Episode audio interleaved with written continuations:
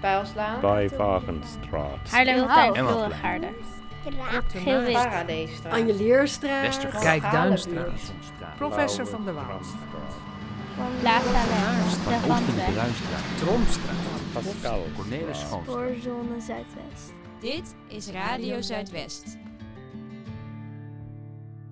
Welkom bij Radio Zuidwest. Burengerucht. Verhalen in, over en uit de spoorzone in Haarlem Zuidwest. Dit is het tweede verhaal uit de verhalenreeks Burengerucht. Het is van Karst. En Karst is normaal gesproken een muzikant, maar hij schrijft ook prachtige verhalen. En hij wil ook, nou, nog best wel eens een keer een schilderijtje maken. En voor de verhalenmiddag had hij een heel podium opgetuigd met blauw fluweel en lampjes. Echt een creatieve duizendpoot dus. Voor vandaag vond hij een verhaal wat hij jaren geleden schreef. Maar hij maakte het toen niet af. Dus dat doet hij vandaag op een wel heel bijzondere manier. En eh, ja, als we geluk hebben, dan speelt hij er achteraan ook nog een liedje. Het verhaal heet Op reis met Karst. Vanmiddag ga ik iets vertellen over kapitein Graat. Dit is een verhaal wat niet af is. En jullie mogen proberen dat verhaal af te maken. Dit is eigenlijk voor eeuwig onvoltooid. Mooi. En dit heb ik geschreven in 1985. Dat wist ik niet meer. Het lag in de kast en twee weken geleden vond ik het. Het was in deze nacht dat kapitein Graat voor het eerst in zijn loopbaan het gevoel kreeg met man en muis naar de haaien te gaan. Want nog nimmer leek het zware vrachtschip een gewilliger prooi voor de huizenhoge golf. Alle hens aan dek! brulde de kapitein door de intercom. De lading in de storm touwen, mannen, en laat de draad maar het zijn geven. En met dat laatste bedoelde hij de marconist en SOS, want de graat voelde dat zijn schuit na honderd jaar trouwendienst wel eens in twee stukken een eigen weg kon gaan kiezen. En meestal ging die weg naar beneden, de diepte in. Voor mij geen zeemansgraf, boots, riep hij tegen de bootsman. Hou je vast, kon hij al niet meer zeggen, want met een donderend geraas beukte een onzagwekkende golf als een gigantische stalen vuist op de wrakke stuurhut. Even leek of het scheepje als een kaartenhuis uit elkaar werd getrokken en in plaats daarvan werd het voor een moment beneden de waterspiegel gedrukt. Eenmaal boven de golven gekomen, weer als een notendop weggeslingerd. Het leek wel of de golven nu de grootte hadden aangenomen van een landschap van bergen en ravijnen. We houden dit niet, kapitein, schreeuwde de marconist door de intercom. De lading schuift en heeft twee veiligheidsschorten aan barrels geslagen. We maken zwaar water. Lul niet draad, blijf zijnen. We komen altijd ergens en je kan maar één eenmaal kapot. Nauwelijks had de kapitein deze woorden uitgesproken, of het scheepje werd in een muur van water gezogen en er aan de andere kant van de watermuur weer uitgespuugd. En daar, daar strekte zich tot aan de horizon een zee uit, die zich als een spiegel uitstrekte, zo ver als het oog kon reiken. Zo ver als het oog kon reiken. Wat heb ik nou aan mijn fiets hangen? riep de kapitein uit, terwijl hij zich de kruin krabde. Voorzichtig keek hij om zich heen. En hij zag een turbulente watermuur in een dikke mist verglijden. Zachtjes plofte het dieselmotortje in de buik van het schip. Soepel gleed het scheepje door het spiegelgladde wateroppervlak. Voorzichtig kwam de bemanning uit alle hoeken van het schip naar het bovendek geklauterd. De een had een buil, de volgende een schram op de knie. De marconist had een blauw oog, omdat de knop van een apparaat hem lelijk geraakt had. Maar daar lag de zee, zo stil, en daar ging het scheepje verder. Ja, tot zover. Zover ben ik gekomen. Oké, de bemanning eh, stond, ging op het water staan en eh, haalde hun schaatsen van de kapstok en hadden wat moeite met de veters dicht te strikken en het vet van de ijzers af te halen. En ze gingen op dat spiegelgladde water schaatsen. Want het was bevroren. Ja, precies. Dus het lag helemaal in ijs. Precies. Dus iedereen ging het ijs op. Welkom. Prachtig. Mieke. Onder het ijs Ja. kwam een donkere vlek plotseling onder de schaatsers door.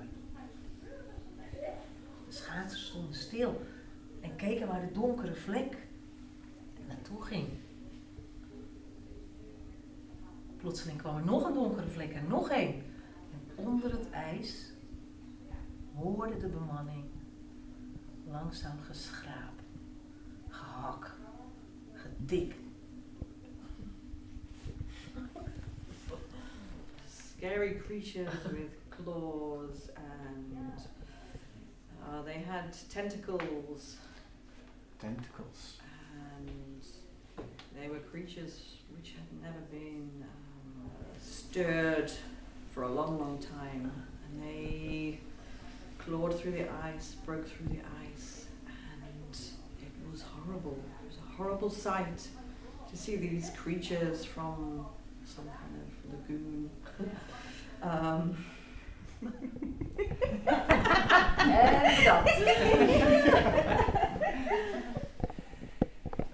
Wat doen jullie hier? De bemanning stond stil. Wat gebeurt hier? Een doodeng wezen komt uit het ijs naar boven, spreekt onze eigen taal. In doodsangst bleven ze allemaal stilstaan. Geen enkele schaats bewoog nog op het water. Het wezen kwam verder omhoog en verder omhoog.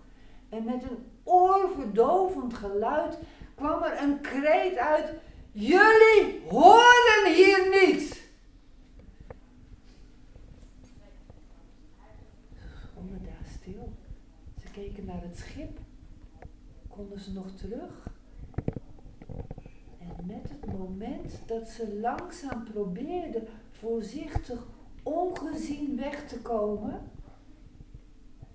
pakte het wezen met een enorm grote boog met alle tentakels alsof het een grote zak was en hield die helemaal boven iedereen en het dak sloot boven hen en hij trok hen mee naar beneden.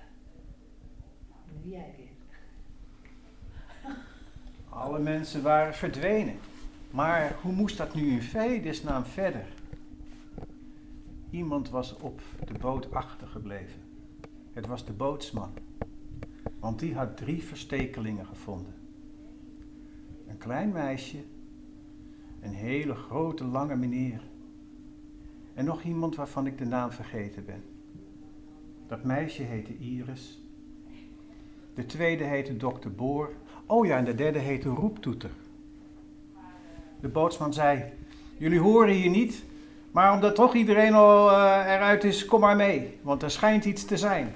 Wat niet goed is, iedereen is naar de bodem vertrokken. Wat een verschrikking. Ik weet niet waar ze zijn. Toen zei het meisje: Wacht, ik heet Iris. En ik kan kijken zo ver als jullie maar denken. Want je kan het niet aan iedereen zien, maar ieder mens is heel speciaal. Ze zegt: Ik kijk tot over de horizon en ik weet precies waar we straks met elkaar naartoe moeten lopen. Toen, de tweede was dokter Boor.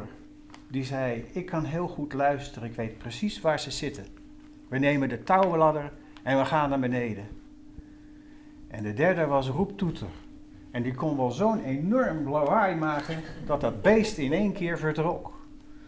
Ze gooiden de touwladder in het water en boven wonder, wonder boven wonder, iedereen kwam langs het touwladdertje weer omhoog gekloppen.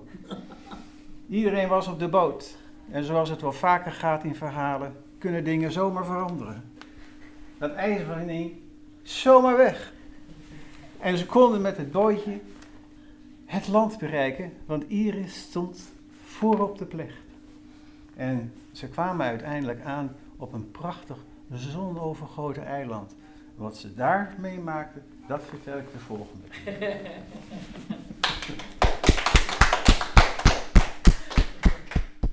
Leuk hè? Met elkaar een verhaal. Goed hoor.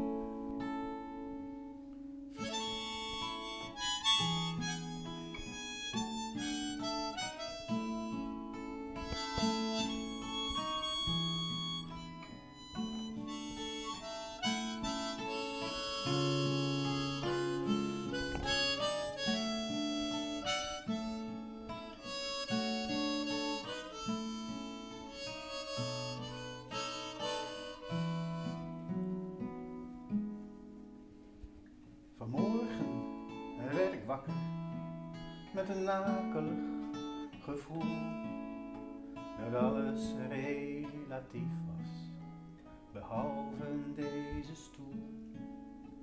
Dus klom ik moe en akelig op dit stukje zekerheid en met opgetrokken voeten sprong ik even uit de tijd. Ik zag mezelf zweven boven deze stad. Het was voorjaar en de zon scheen, maar het mooiste was wel dat ik geen sterveling zag lopen. Zag gaan langs een straat of gracht. Mijn longen klapten open en met mijn oren onbelast gleed ik naar beneden als een pluisje in de wind en werd gevangen in de handen van een kind.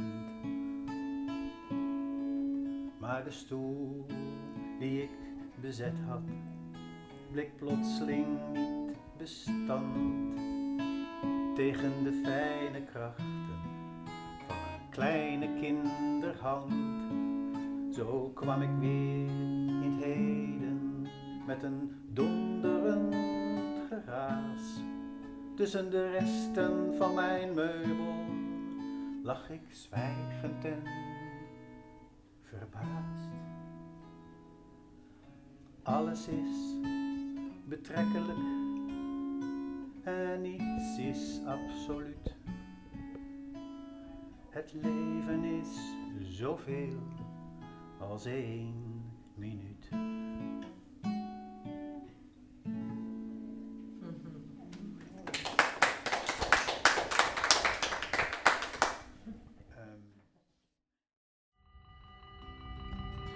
Pijlslaan. Bij Wagenstraat. Haarlemmerhout. Speeltuin En wat Wilgaarden. Korte Geel wit. Paradijsstraat. Anjelierstraat. Westerkijk Duinstraat. Professor van der Waal. Plaza West. De Randweg. Tromstraat. Pascal. Cornelis Schoonstraat. Spoorzone Zuidwest. Dit is Radio Zuidwest.